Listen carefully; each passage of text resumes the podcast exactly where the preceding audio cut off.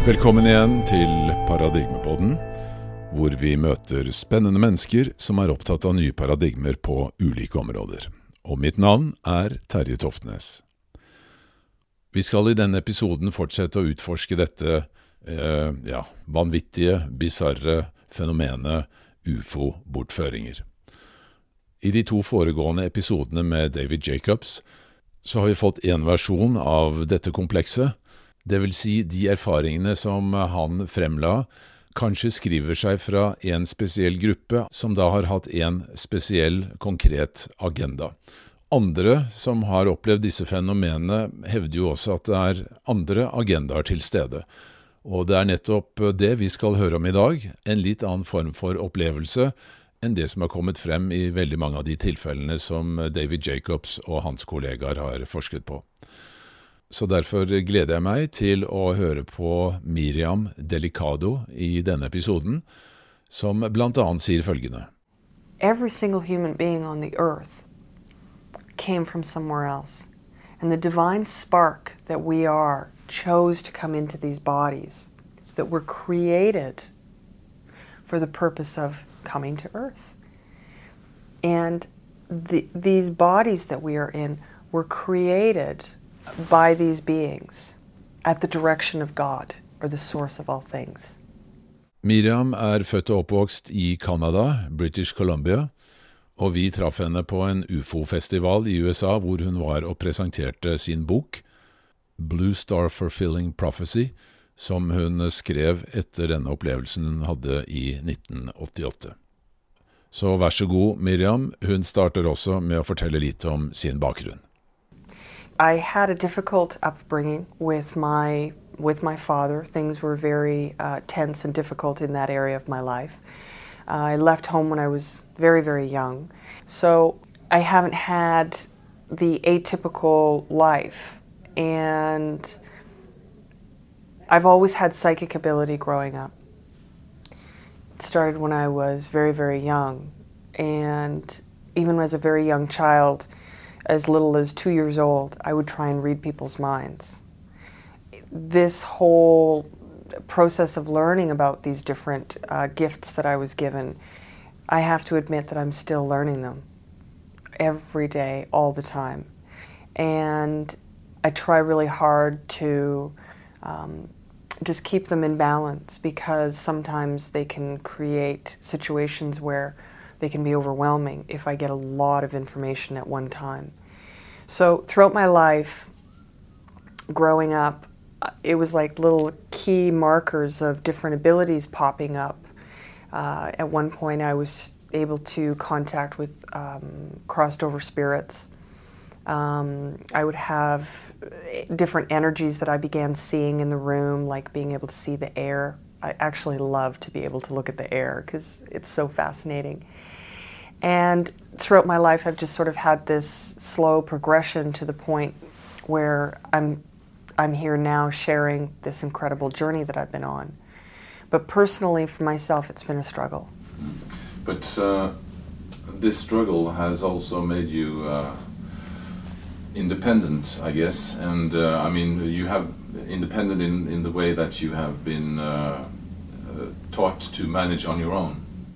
There, actually, it's I can look back now and say, it did make me very strong. It did make me very independent. It made me focused. It made me understand that in order to um, in order to do anything in life, I have to work hard and I need to work uh, very diligently at being able to achieve a goal.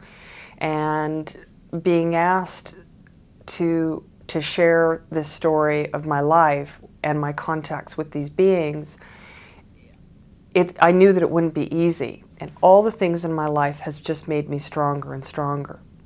What's fascinating is that I've had difficulties at different points in my life, as everyone does. And at different points, people have come to me and said, Aren't, don't you wish you had a different life? And I don't, I, no matter how bad things ever were with my family situation with my father or with the struggle of, you know, trying to find a job or any of these things, I said, my God, no. I love my life. It's perfect because it's ma- making me who I am.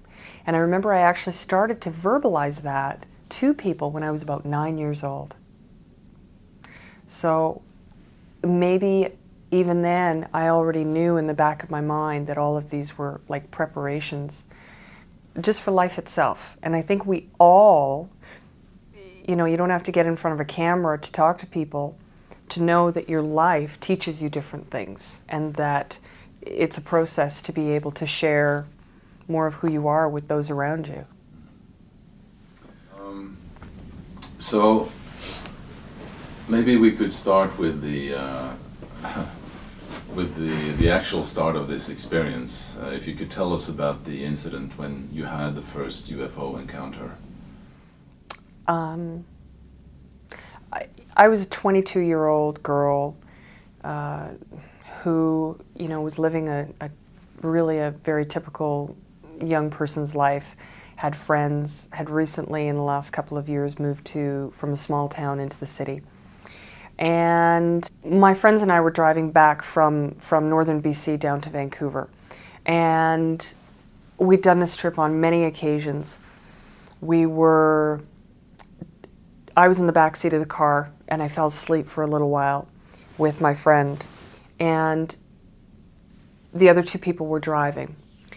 As it got later and later, he started to get tired, so then he pulled the car over and we switched drivers. Me and my friend went up. I was in the passenger, she was driving. It was somewhere around midnight.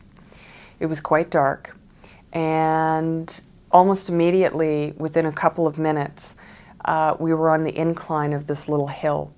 And we noticed that this vehicle, that what we thought was a car coming up behind us rather quickly, the lights following the path of the road. And as this happened, I was thinking, my gosh, they're really traveling fast. And I thought it was a big 18 um, wheeler because of how large the lights were. So, what was interesting is over the course of the next few hours, these lights would come up behind us very quickly and then fall back, or they would just almost disappear. And this would happen when another vehicle would be coming towards us in the darkness, or we would pass a house or go through a small town. So, after hours of this happening, we also knew that when these lights appeared, the radio would turn on and the sound would come up. And it would be a, a radio station from New Mexico and it was either Albuquerque or Santa Fe or something, which was rather odd. And eventually, we went through a town where there was a very long distance from one end to the other, where you could ha- see behind you. We actually went through red lights to get to the other side. And when we got up the hill and turned right, we were immediately back in forested area. And I'd said to my friend, there's no way that those people can catch up to us now because the distance is too great. But you, you thought you were followed by an, another car? yes. We were trying to rationalize it. Mm. We were trying to rationalize what these lights were and why they were following us. We thought it was a car or a truck or something, yes. But they were staying on the road track, kind of. They were absolutely staying on the road track. And even when we'd see them coming behind, if we had just been on a curve, they would take the curve.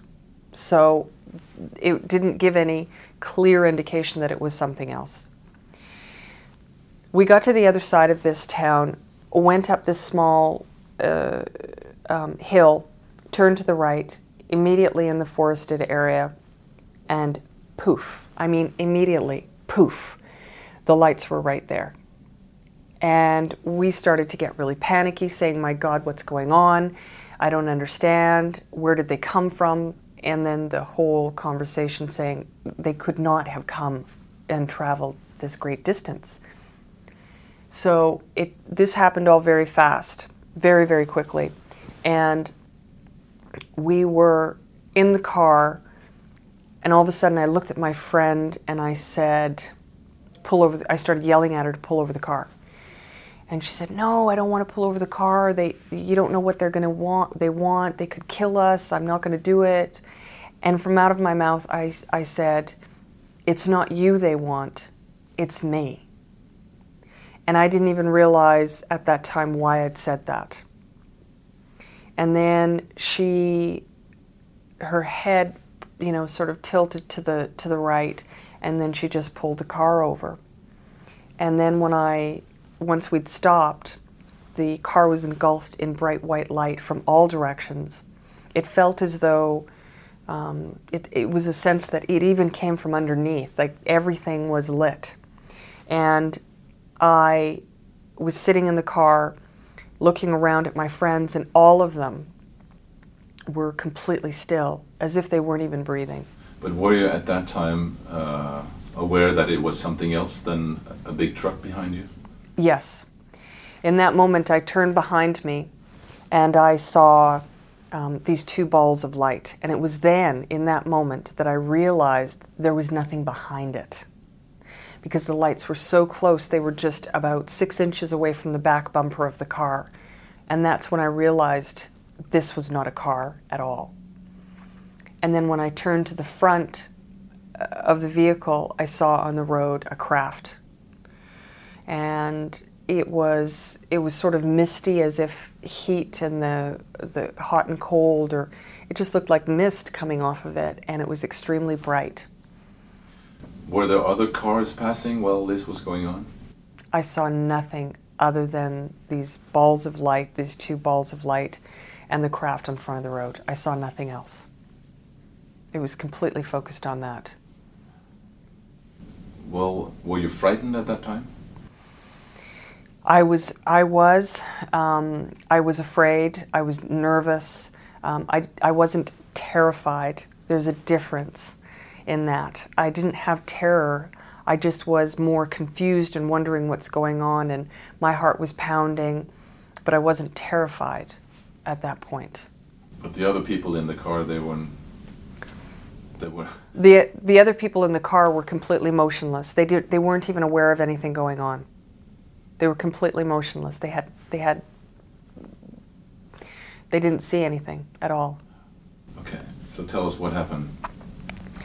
At that point, um, I'm sitting in the front seat of the car on the passenger, and I see these beings, these small beings with round black eyes. Uh, that were almost childlike in their appearance and the feeling I got from them. Um, and they started walking towards me, and I could hear someone in my head talking to me saying, um, Open the door, get out of the car, do not be afraid, uh, we will not harm you. Do not be afraid, we will not harm you. Just giving me instruction to, to get, step out. And I watched my hand reach and got out of the car, and they walked up to me and took me by the hand, which felt cold. And then they led me down the highway to the left, and there was a very large, much larger craft sitting there. And in the doorway of this craft were two beings, very tall, um, about you know six five, six seven feet tall, and uh, they had blonde hair and blue eyes. Could you describe that craft? I mean, how large was it, and what, what did it look like? It was about forty or fifty feet across. It had different sections on it, so it was like if you imagine a saucer, and there was a little dome on top and there were lights in the center of this saucer that go around. And then um, below that were two more sections. Uh, it was like another observation area and then something underneath. So there was different layers to it and levels. It was quite large, and it, it looked like it was about two two stories high. But was it standing on the ground or was it ho- hovering on uh, off the ground? I don't remember. I remember the craft itself, but I don't remember how it was staying um, in that position. I don't recall anything, anything coming out of it to touch the earth. So, it, and I don't remember it. I don't remember looking at the very base of it, thinking. I was more focused on the beings and looking at the lights all around from the craft. So. So the beings invited you in, so to say. Yes, the little ones took me to the door, let go of my hand, and I walked on board the craft with these two tall, blonde uh, extraterrestrials. And could you describe how they looked? They had w- robes on, white robes with a blue stripe that went down. They had um, a symbol of an upside down triangle. Um, they had uh, white hair. And this white is, if you take the the absolute white of anything, like the, the whitest piece of paper you could find, this is the co- this was the color of their hair, and it sort of came up a little bit here into a V shape, the hair, um, a little bit wavy, and about shoulder length, and they had quite large blue eyes, um, a perfectly formed small nose, and smaller lips. The lips were not, um, they were just not as thick as we have our lips. They were a little bit thinner. And so um, there, were, uh, there was one other thing that they had uh, that's rather interesting. At one point, um, they had some sort of a band that they were wearing with this upside down triangle, and blue light was emanating from it. They were human looking. I mean, did they look like humans, uh, apart from the differences that you have mentioned? They looked very human. Their hands were not at. They, their hands were very different, though. Um, their hands were the fingers were much longer, and uh, almost a little pincher-like, you know, because they were so long and I don't know what the word I could use, but dangly. And they were very, very thin, uh, very long, a little bit longer necks, but still head, shoulders, arms, legs, all of that appeared to be the same. So the, very human looking in, in many ways, yes. But what kind of feeling did they express to you? I mean, or what? Uh, were you frightened of them, or what, did you feel love, or whatever did you feel when you met them?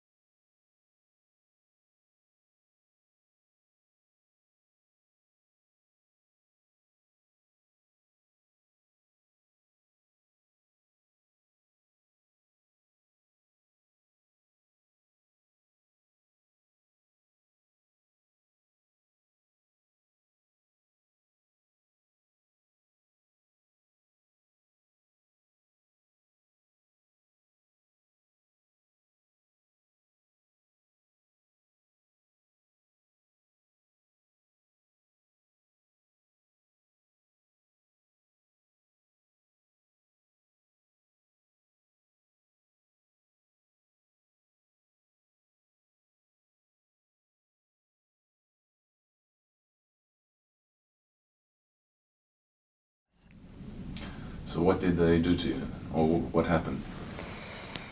I walked onto the craft, and they put me in what I call a light chair. And I call it this because it, it, it appeared to be made of pure light. I didn't see a chair the way that, that this is in the physical sense here. And I sat in it. One of the beings stood on either side of me, and then a screen appeared basically out of thin air almost like a hologram, and different images and pictures um, would come onto the screen, and then I would have information about the images that I was seeing come into me. It was extremely overwhelming.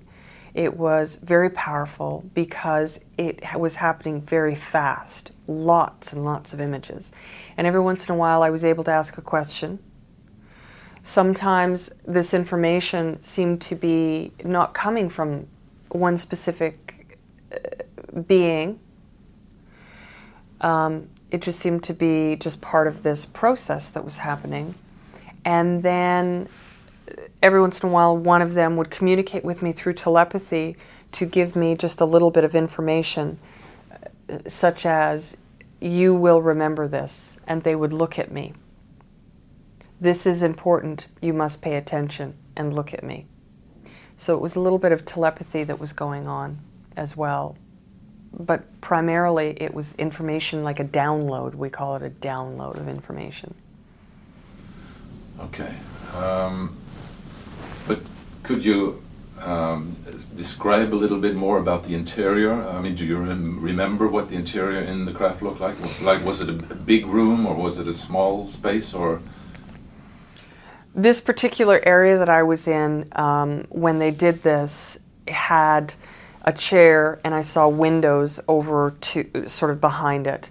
Um, the center of this craft had a very unique um, area. I actually have a drawing from that, you know, a, about two years after this that I that I sketched of some of the information of, of what the inside of this craft looked like. In the center was an area where it was like a hovering ball of energy. And it seemed to have, like, if you think of an electrical current that snaps out, it seemed to be like that, connecting into this seating area that was surrounding it. Um, and that's how this information seemed to be getting carried through. Then there were, I believe, there were four seats centered around this and some of these beings were were looking at information. There was panels, um, and I was told that this is how they uh, this is the control center to move the craft. Then around the outside of the craft, along the walls, there were windows to be able you could actually see outside, and then there were panels again that were um, that were put down and they'd have little sim there were some of them with symbols on them. Some of them were like screens where i guess things would pop up. Uh, they explained to me how some of the orbs got sent out the round the round balls of energy that are sent out from the craft will go out and gather information. And this is one of the places where this information comes back to the craft and then they analyze it and store it and, and do all of that uh, before we get into the information part, mm -hmm. um, did they uh, tell you uh, or give you any type of information of where they came from, where they reside? They told me that they, they have been here since the beginning of man, and that they had a help, they had a hand in helping to create this world, and that currently these physical beings uh, are on, some of them are on craft that are just outside of where the earth is so that we, you know, we are not seeing them. Um, and there were others that were here that were in the earth, inside the earth, um, and also under the waters. And that this was where they resided. They would come up every once in a while and uh, they were here to assist humanity in understanding where we've come from and where we're going on a spiritual path. But they were physical beings here um, living on earth. Originally, there were also some that came from, originally, they came from another planet. I do not remember them telling me the name of the planet. And it's one it's a question many people ask me but i don't specifically remember but there were many of them um, coming and they have said in the past that they were on their way. So I believe that some more are coming all the time. And maybe that's why we're having more and more sightings at this point. So what you say is that they are permanently based on Earth. That's where they reside. I mean, they just don't come here for short visits. Is that right? Yes. They, they permanently reside here. They have a position here as the caretakers of this earth, and they are here not to tell us what to do and not control us. These particular this particular group. However, they're just here to help guide and assist us in whatever way it is that we will allow them to or that we ask them to. And what it is that they share is a greater understanding of our lives in, in, in respect to different energies that we have and um, different psychic abilities. Many people, like myself, have these wonderful abilities that they've been given, sensitivities, as I like to call them. And this has been a gift from them. And it is to, to really give the gift to as many as possible so that we can go out and help others to have this experience as well. But um, back to the uh, to the craft, and, and, I mean, how long was this uh, going on whilst you were on the craft? And I mean, was it staying in the same position? What about other traffic? I mean, that it seems kind of uh, strange that you were able to, or, or, that the craft was able to be there whilst you were on a on, on a road where with general traffic. I don't know where we were. I know that once I went on board the craft, that's all that I know. Um, I don't remember looking out any windows. Uh, I don't remember being led into different rooms. I was with them for a total of three hours, and I figured that out after after months. I realized that it was a three-hour period, and I don't remember certain things that took place because it was so intense and it was so much. I have snippets of other other events that took place, but so little of it. I, I don't focus on it because I don't I don't have the answer for that for the rest of that three hours, and it, we had to have left. We couldn't have been in that position for three hours. It just wouldn't have been possible. The other people in the car, I believe, were, were there for the whole time. I don't recall ever seeing them on the craft. And interestingly, when I got back to the car, the, the um, gentleman in the back who had been driving was very upset. And he was saying, oh if you wanted to change drivers why didn't you just why didn't you just you know pull over the car and let me know you didn't have to turn the heat off. It's so cold. It's so cold. I mean, the car, car was freezing, and they were freezing cold, all of them. So I think they were left in the car for the three hours at, night, alone, without anything there. So they must have been in the car for the whole time because all three of them were making the same comments. But did you discover immediately when you got back that you had been gone for three hours? Did they discover that they had been sleeping for three hours? No, not at all.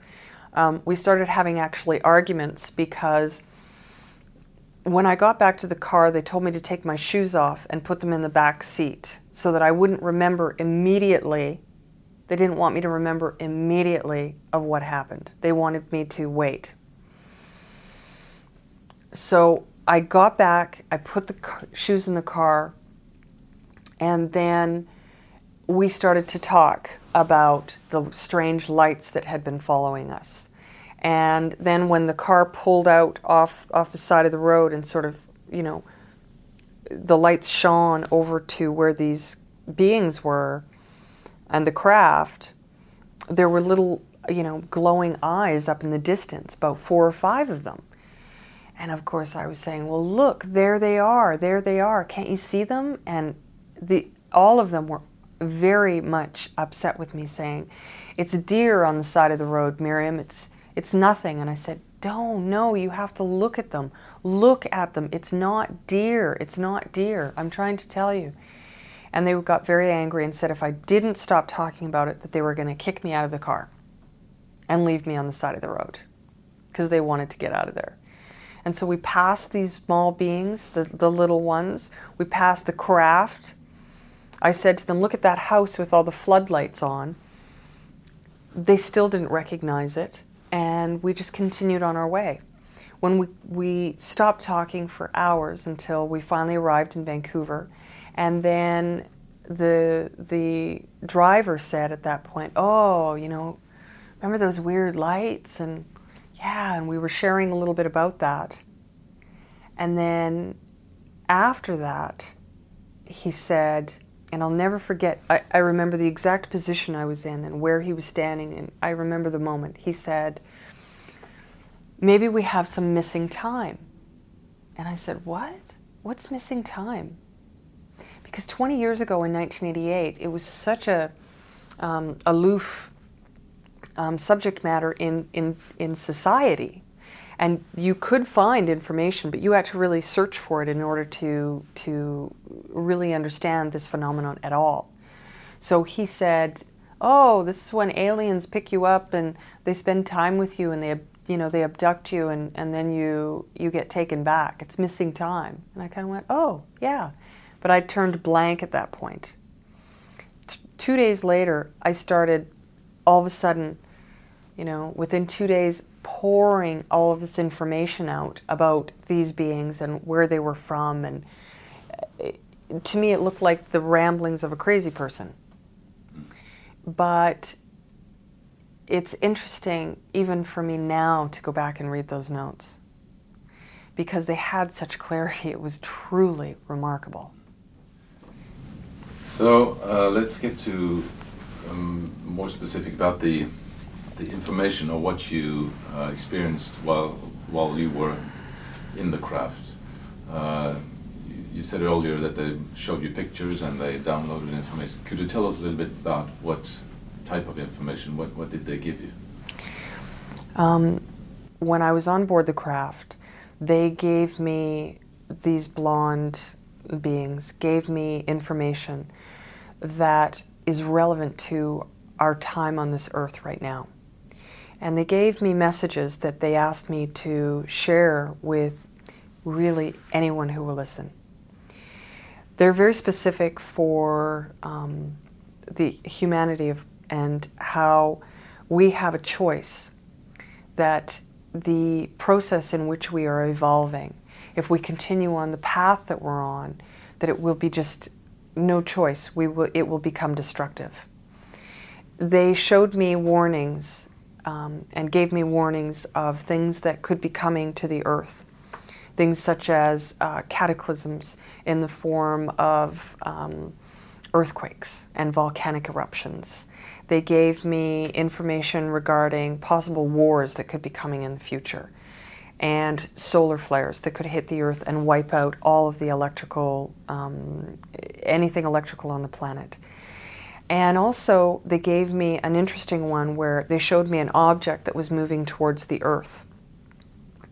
Often I'm asked if this is Nibiru or Planet X or one of these, one of these things, and I really don't know. I know that I see an image. I was shown it. They said it was coming towards us. What is wonderful about this message is that it was made very clear to me that we, as, as the human race, have the ability to either stop entirely or overcome any and all of these obstacles and possible cataclysms that may be coming. And that all it would take is for humanity to come together as one people in one heart and with one thought, and we could instantly change the world. And so, the greatest message that they have to carry and that they've asked me to share is that we are moving through a critical time on the planet, and we have a choice. This choice and this window will not last forever. The choice must be made now. And I know this because when I was on board the craft, they specifically shared with me that a time would come where myself and others like myself would be called into service to spread this message. And more and more people all the time are waking up, even in their daily lives, realizing that we need to change this course of, that we're on that we need to begin to begin, begin building a new platform in order to have better lives so that we can live more spiritually and more in balance and harmony with the earth. This is really the most important message. And the craft and what they look like, and even what these beings look like, the effect that they have had in my life and the gifts that they've given me in these beautiful visions of what is possible for our earth. It is what inspires me to do what I'm doing now and to know that any and all ridicule that I may have over this, I'm okay. Because this isn't about me, it's not really about them. This phenomenon is about us and the choices that we are making. And this is the, the gift that they are giving us today. The messages are really simple. I'm often asked, what are these great messages? Because they, they very clearly, before I walked off the craft, the two of them l- came and looked right at me and deeply into my eyes and said, You will remember this. You will remember. And so it's been a progression of this over the past 20 years for me. I don't, I don't tell, it's really important for me to share, to share with anyone who is, is hearing this story to know that I'm not perfect. It's really important to know that I struggle in my daily life. I have issues, that I can be cranky, and that I can. I live a normal life in many ways. I happen to have this extraordinary path and part, and I, I accept the responsibility at this time. But to know that every day we make choices, and you, we can't expect ourselves as the human race or as the individual to stand up and change the world in a, in a, in a moment. But th- every choice that we make, if, whether it's not using a coffee cup that's a throwaway cup, or planting a garden, collecting heritage seeds, all of these things are very, very important. And these small steps will begin to make the paradigm of a new society and a new world. And these are the messages another message that is very important that was made extremely um, clear to me was one that um, they shared in words. They said, One day a star will appear in the sky for all of man to see. Nothing or no one will be able to hide its presence from the world. It will be a sign to the people that the end is near and it is time to prepare even in that, it sounds so doom and gloom, you know, prepare for the end.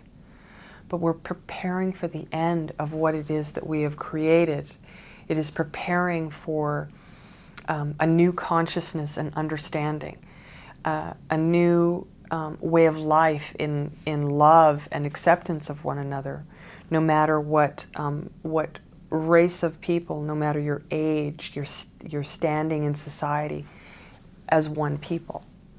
And that if any of these cataclysms were to take place, if we open our hearts, that we can overcome anything and that anything is possible.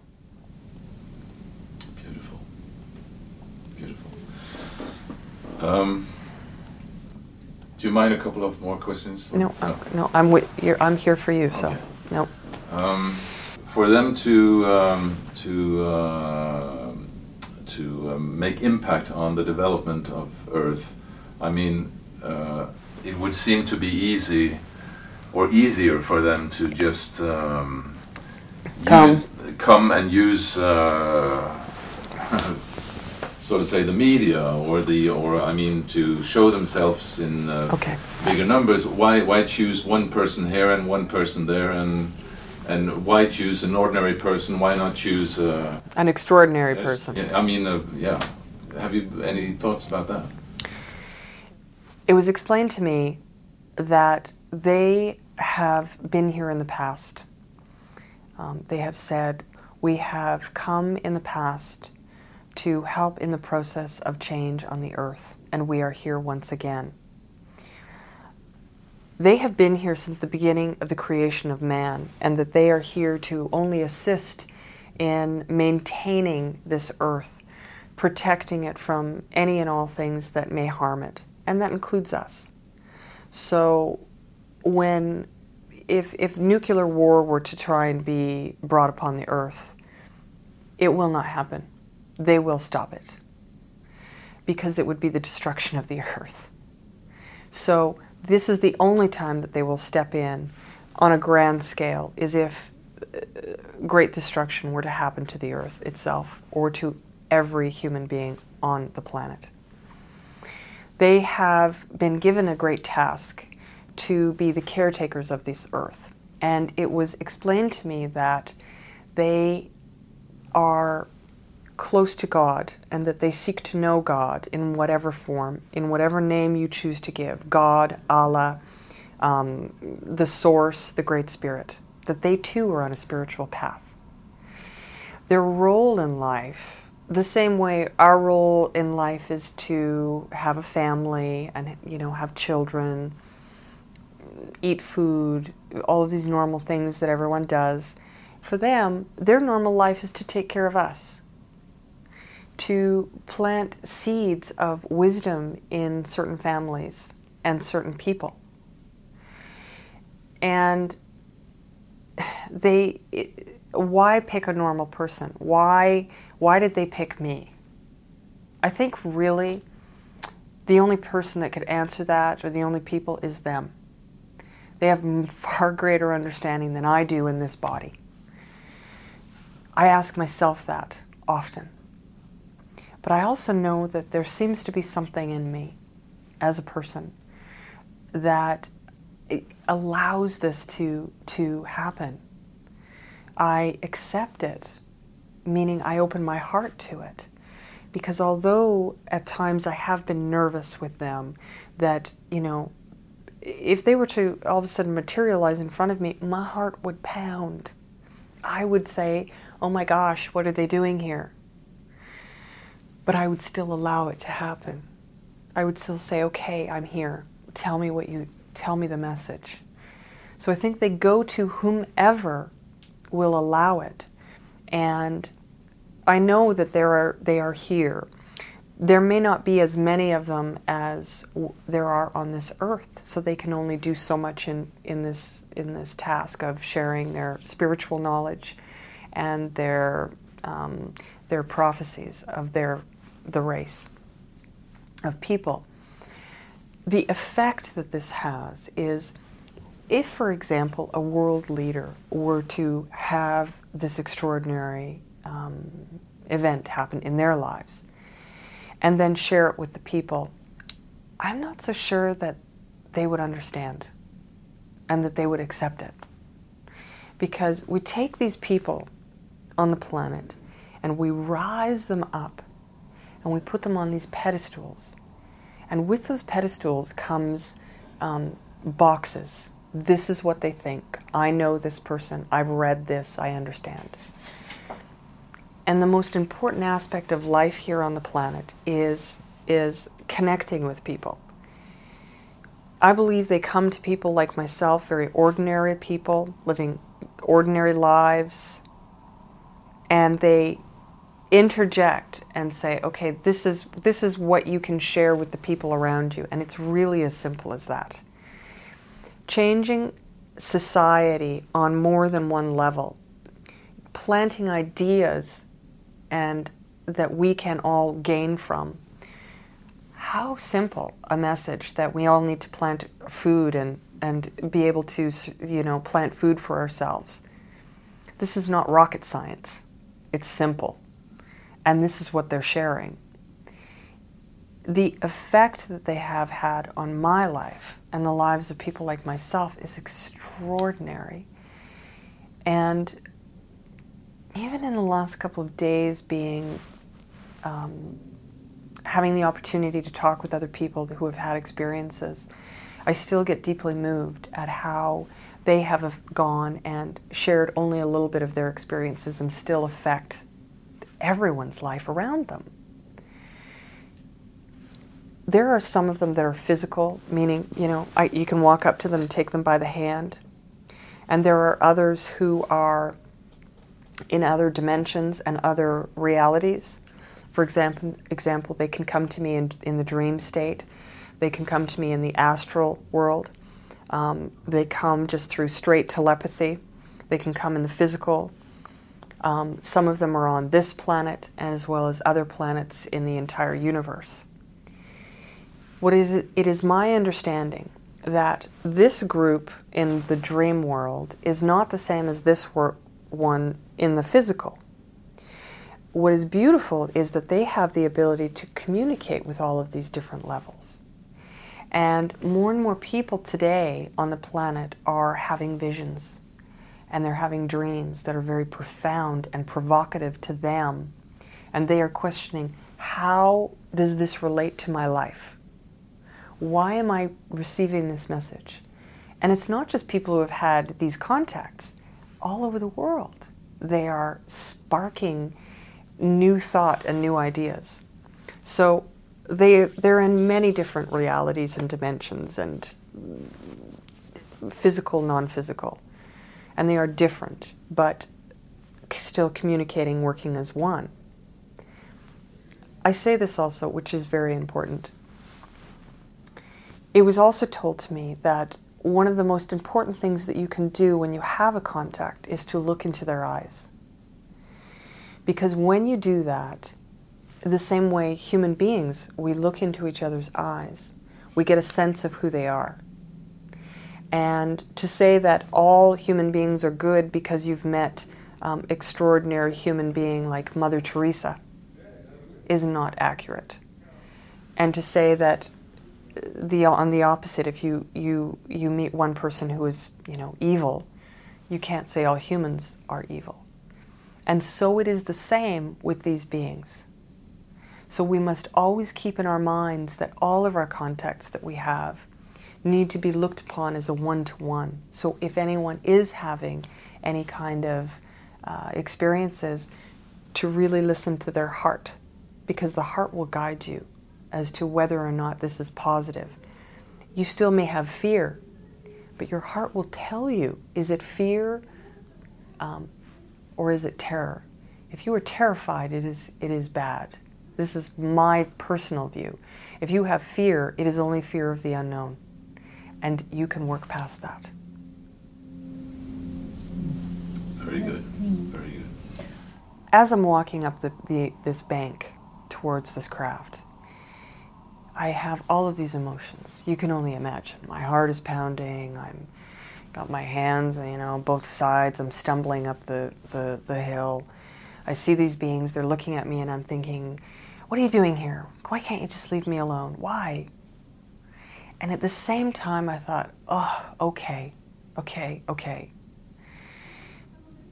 There was there was more than one level of of what I was feeling and knowing and remembering. All of a sudden, the closer I got to them, I was remembering more and more flashes of things. And I know that I agreed to do this. I agreed to do this before I ever came to this earth.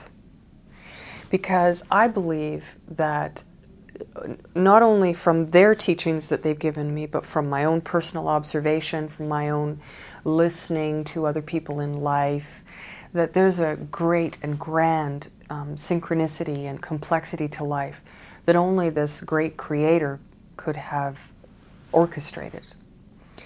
The human being is um, was created by them. These physical forms, but the spark inside of us and the divine inside of us, the soul inside of us, comes from a much higher level.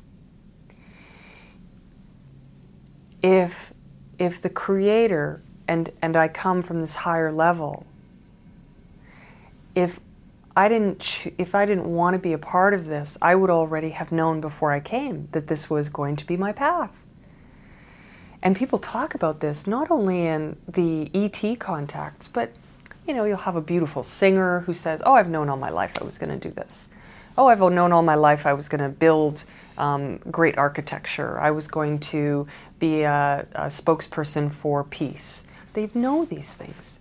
There's no difference between a person with ET contact and anyone else. We knew before we came that we would do this. We've known all of our lives.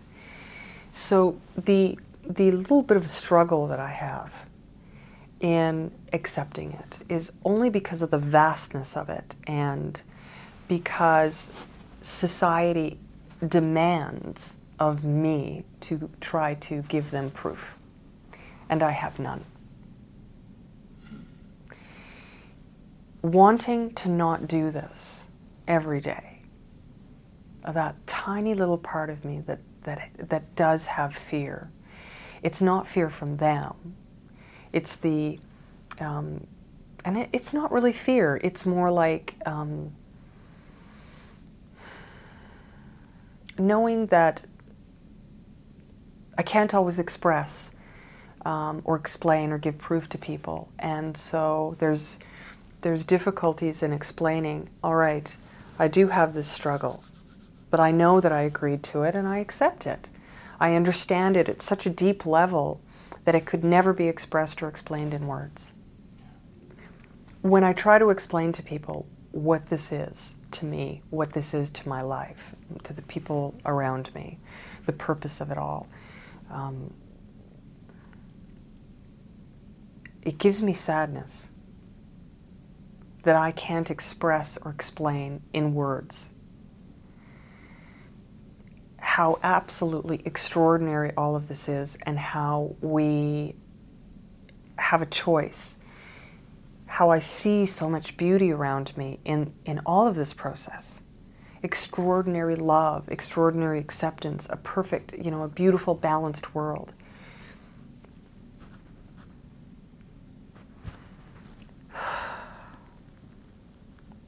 My tears are the tears of my heart, not the tears of fear or anger or frustration.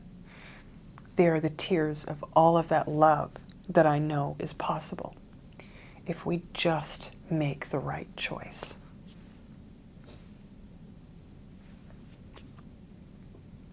We can do it. And we are doing it every day one person at a time, one day at a time, one choice at a time.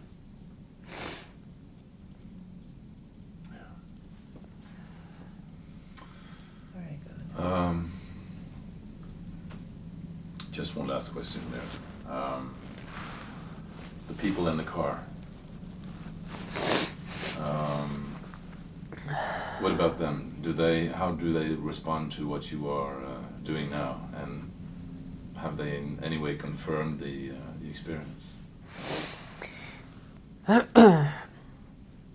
Almost immediately, uh, within, you know, of course, days after this uh, incident on the highway, I started talking about the ETs and all of the things and the messages that they were sharing and, and everything. And uh, the people in the car all thought that I was crazy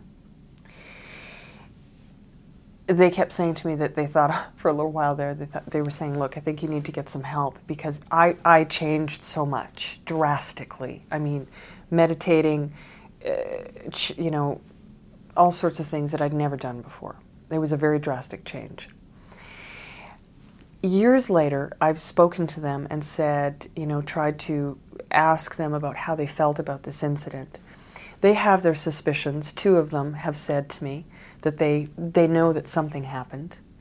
Um, one, uh, the driver, the male driver, who uh, I think it was about seven years later, had expressed to me. He said, "You know, Miriam, I don't know what it is about that night." He said, "I can't stop thinking about it. It's in my mind all the time. I don't remember anything." But I know that something had to have happened because I can't let go of that night the girl, the woman that was driving when we pulled over the car, that you know, kind of put her head over. Um, she said, "Oh yeah, I kind of remember something, but you know," and she just flippantly didn't want to talk about it. And I have a very strict rule that I will not push anyone into remembering anything or trying to uh, push them in a direction that they don't want to go into. So I don't have contact with them anymore. Um, I'm not even sure that they are aware that I've come forward with this at this time. Um, I have thought about contacting them and uh, sharing this with them, but they've known, you know, and their lives, to be quite honest, have taken a very different path than mine has. So our contact is no longer.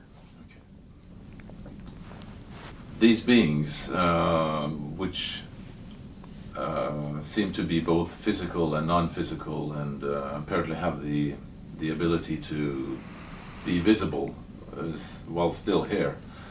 Um, if we go to the spiritual level, I mean, we all as humans have a uh, also a kind of a non-physical part of us, mm -hmm. being the soul or the consciousness or whatever. Uh, do you uh, have you any idea of um, the connection between our soul system and their soul system? Are we, or are we the, actually the same group of souls just appearing in different uh, forms or have what kind of expressions do you have It's a good kind of question. connected to that? Yeah. to give a greater depth of understanding of, of who these beings are, I know that, you know, this spark, this divine spark of God, as I like to call it, um, the creation of each one of our souls, is very clearly something that is quite extraordinary and, quite frankly, beyond our comprehension. I know that I have been one of these beings. I have tiny little flashes of things, and I, I can't express or explain what they are. It's more like a knowing, where I remember being very, very tall, and the way that it felt to move in this body, it was very flowing, and this image of looking at, you know, being able to see myself. So they are on a path of spiritual uh, development, as are human beings. And they too have a soul, this spark, this divine peace. And when they are in, in those physical realms, they do have that divine spark. And that's what they are a part of. So we are the same people. When when so many people on the earth are saying, "Where are they? Well, let's see them. Let I want I want one of these beings to walk up and talk to me, and you know I want to hear what they have to say."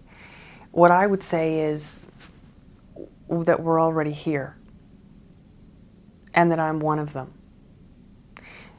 Every single human being on the earth came from somewhere else, and the divine spark that we are chose to come into these bodies that were created for the purpose of coming to earth. And the, these bodies that we are in were created by these beings at the direction of God or the source of all things. The souls and where they come from, all of us come for different. Maybe last time we were um, in the astral world Maybe we were in the body of one of these tall blondes.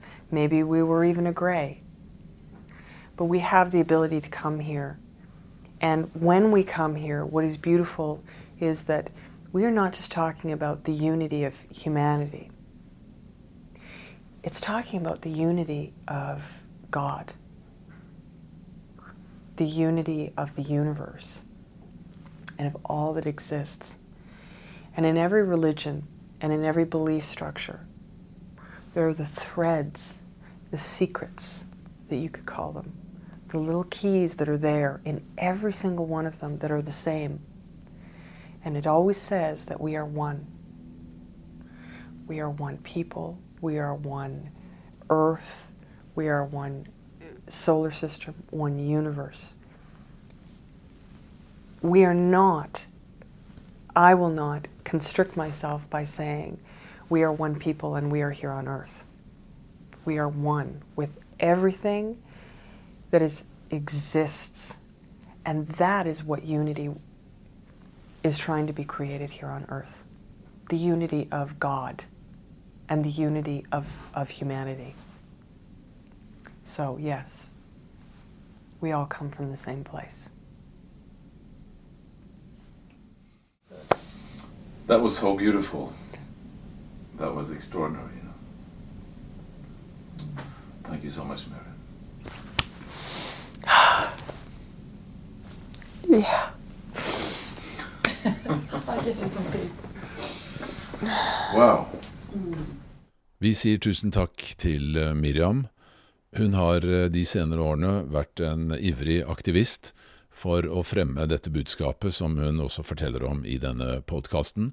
Og det finnes eh, flere videoer med henne på YouTube og på Facebook osv. Så, så hun har i høyeste grad dedikert livet sitt til eh, denne spirituelle virksomheten med å få frem dette budskapet. Helt til slutt eh, vil jeg bare igjen få minne om vårt VIPS-nummer, som er 524 005, 524 005, for de som eh, vil støtte oss videre. Og tusen takk til alle dere som allerede har gjort det. Da ser jeg igjen frem til å høres i neste episode av Paradigmepodden.